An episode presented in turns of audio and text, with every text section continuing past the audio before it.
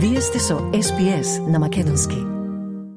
Министерката за одбрана Славјанка Петровска, заедно со помошничката на секретарот за одбрана на САД за меѓународни безбедностни работи Селес Валандер, повеќе колеги министри за одбрана и високи представници од земите членки на САД, Јадранската повелба и земите наблюдувачи, Денеска четврток во Скопје на јубилејниот 20-ти министерски состанок ќе разговарат на повеќе актуелни теми од областа на одбраната како јакнењето на регионалната соработка преку засилен обрамбен диалог помеѓу државите во регионот заедничкиот придонес на земјите од А5 во мировните мисии и операциите на НАТО, како и за организирањето на заеднички вежби и обуки. Шепот на дипломатијата Бујар Османи на еден месец пред одржувањето на Европскиот совет останува оптимист дека уставните измени може да бидат донесени и дека нема да застанат се до последниот момент да работат за да се искористи овој момент неповторлив за брза патека за членство во ЕУ.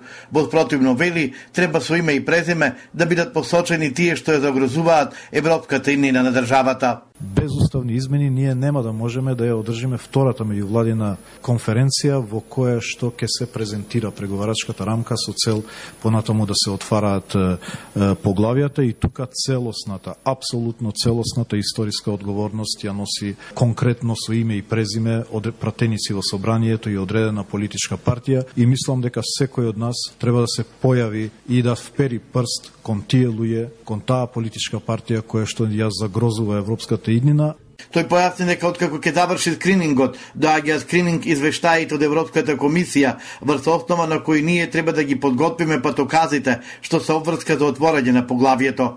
При тоа чекор што е важен и што се носи исто така со консензус, тоа е писмото од Европскиот совет до земите кандидати кои се одредници за отворање на поглавијата. Тоа писмо подсетува Османи, помина со консензус со сите 27 земји членки за Македонија, но не помина за Албанија поради противењето на Грција. Европскиот совет на кој треба да се донесе одлуката дали Македонија и Албанија ги исполниле условите и обврските за преминување во втората фаза од преговорите е закажан за 14 и 15 декември за провокациите кои се уште доаѓаат од Бугарија. Министерот Османи истакна дека истите силно ги осудува, но дека нема намера да упатат протест на нота. Тие провокации, вели Османи, во кој предначи подпредседателката на Бугарија Илијана Јотова, се во функција на нивната изборна кампања.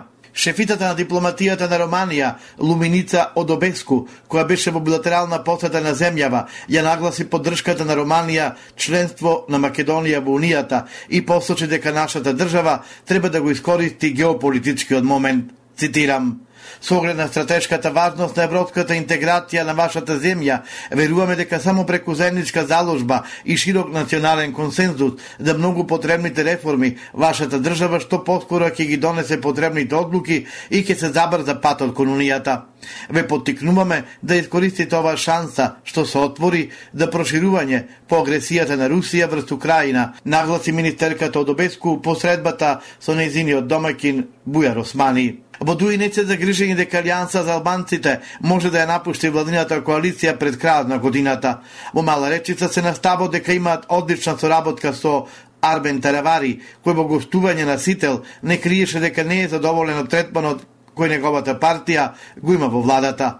Вице-премиерот Артан Груби пред новинарите рече Не верувам дека во следниот период кој што е пред нас, зборуваме за месец, два до техничка влада, не верувам дека било која од а, политичките партии би предизвикала некоја криза затоа што секако и тоа ќе се рефлектира а, во однос на а, стабилноста на владата, но и на а, рейтингот на политичките партии кои што се учесници во некакви такви процеси. За Груби најважно е тие што ќе имаат премиер во последните 100 дена пред изборите. Не се гледам себе си како иден премиер, не верувам дека јас сум следниот премиер и всушност знам дека ја не сум следниот премиер. Груби најави дека во наредните неколку дена ќе седна намаса со премиерот Димитар Ковачевски, пошто се надева дека ќе изграда заеднички став околу тоа дали изборите ќе бидат во ист или одбоен термин. Откако завчера партискиот подпредседател Османи рече дека во Мала Речица натежнува ставот председателските и парламентарните избори да бидат во еден ден. За изборите на почетокот на мај, техничката влада мора да се формира до средината на јануари 2024. Во редица и суредно пополнети документи, скопјани и на дош чекаа да се ги променат личните документи. Од вчера без закажување има можност да се ги сменат личните документи во спортската сала, која во склоп на полициската станица Пролет има мобилен пункт на МВР за вадење лични документи. Тој ќе работи од 8 до 18 часот, но ако има заинтересираност, може да биде отпорен и до 20 часот. Во еден работен ден се очекува околу 1000 лица да бидат фотографирани и да им се земат биометриски податоци. Времето за чекање е различно во зависност од делот од денот, а граѓаните во анкетата за Канал 5 велат дека завршиле работа за околу еден час. Чекаме, чекам долго. Долго. Па гледаш колку гужва има, што знам, саат, два сати. Па не чекавме многу, саат време, ама иде брзо и регуларно. 10 минути. И сега чекам да влезам унатре. Другата година треба у ноември, ама рекаа дека одека може брзо. Пола сат како сум дојдена до дека да потполнам. И сега кога ќе завршиме, ќе завршиме, ќе видиме, ќе чекаме. Дека се тече во најдобар ред, лично се увери и првиот човек на МВР Оливер Спасовски. Тој за присутните новинарски екипи изјави. Со една силна динамика го продолжуваме процесот во интерес на граѓаните на времено да ги остварат своите права и обврски. Затоа како раководство на Министерството за внатрешни работи одлучивме да излеземе во пресред на граѓаните, да создадеме можност за започнување на процедурата без закажување на редовната постапка, туку со лично појавување во салата по принципот прв дојден, прв услужен. Со ваквиот начин на вадење документи не се согласуваат од опозицијата. Веднаш под Пасовски во полициската станица Пролет беше и подпароло на ВМРО ДПМН Наум Тилковски. Револтирано пред новинарите изјави дека овој начин на обнова на документите е недостоинствен за граѓаните. Овој хаос зад мене е сликата како СДС Оливер Спасовски замислува европеизација. Македонските даношни обврзници ги втера во хангар да вадат документи и да ги фотографираат не баре постконфликтен Афганистан. Ниту систем постои, ниту закажување, туку редици и турканици. Жално е што Оливер Спасовски и МВР подостоинствено и со поголема почит се поставија пред 215 белосветски криминалци кога им вадеа пасоши, отколку кон македонскиот народ кој што ги плаќа. Инаку пунктот ќе биде привремен, односно тој ќе постои се додека е потребно да се обезбеди побрз протек на граѓани со цел документите да се заменат во законскиот рок, кој е до 12 февруари ината година. Судскиот совет избра 8 суди за апелационниот суд Скопје, од кои четворица од кривичната и четворица од граѓанската област. Нови апелацијски суди од кривичната област се Габриела Гајдова, Александар Истеска, Весна Димишкова и Осман Шабани, а од граѓанската област Александар Шопов, Ирена Костадиновска Ангелова, Наталија Донева и Илир Сулеймани се работи за прв избор за второстепен суд проведен врз основа на новата методологија.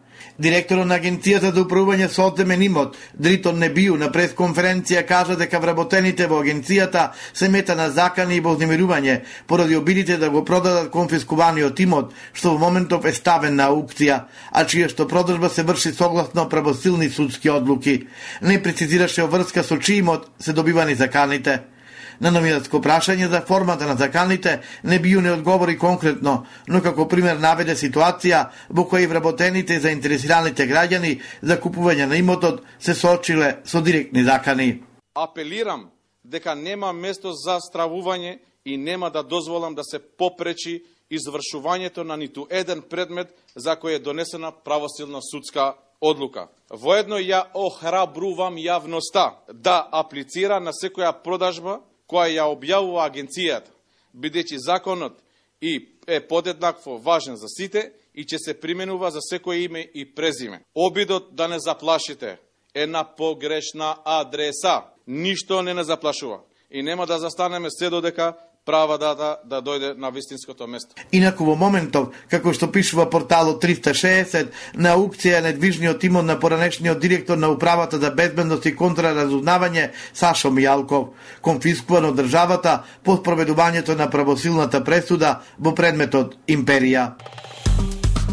Стиснете, ми се допаѓа, споделете, коментирајте.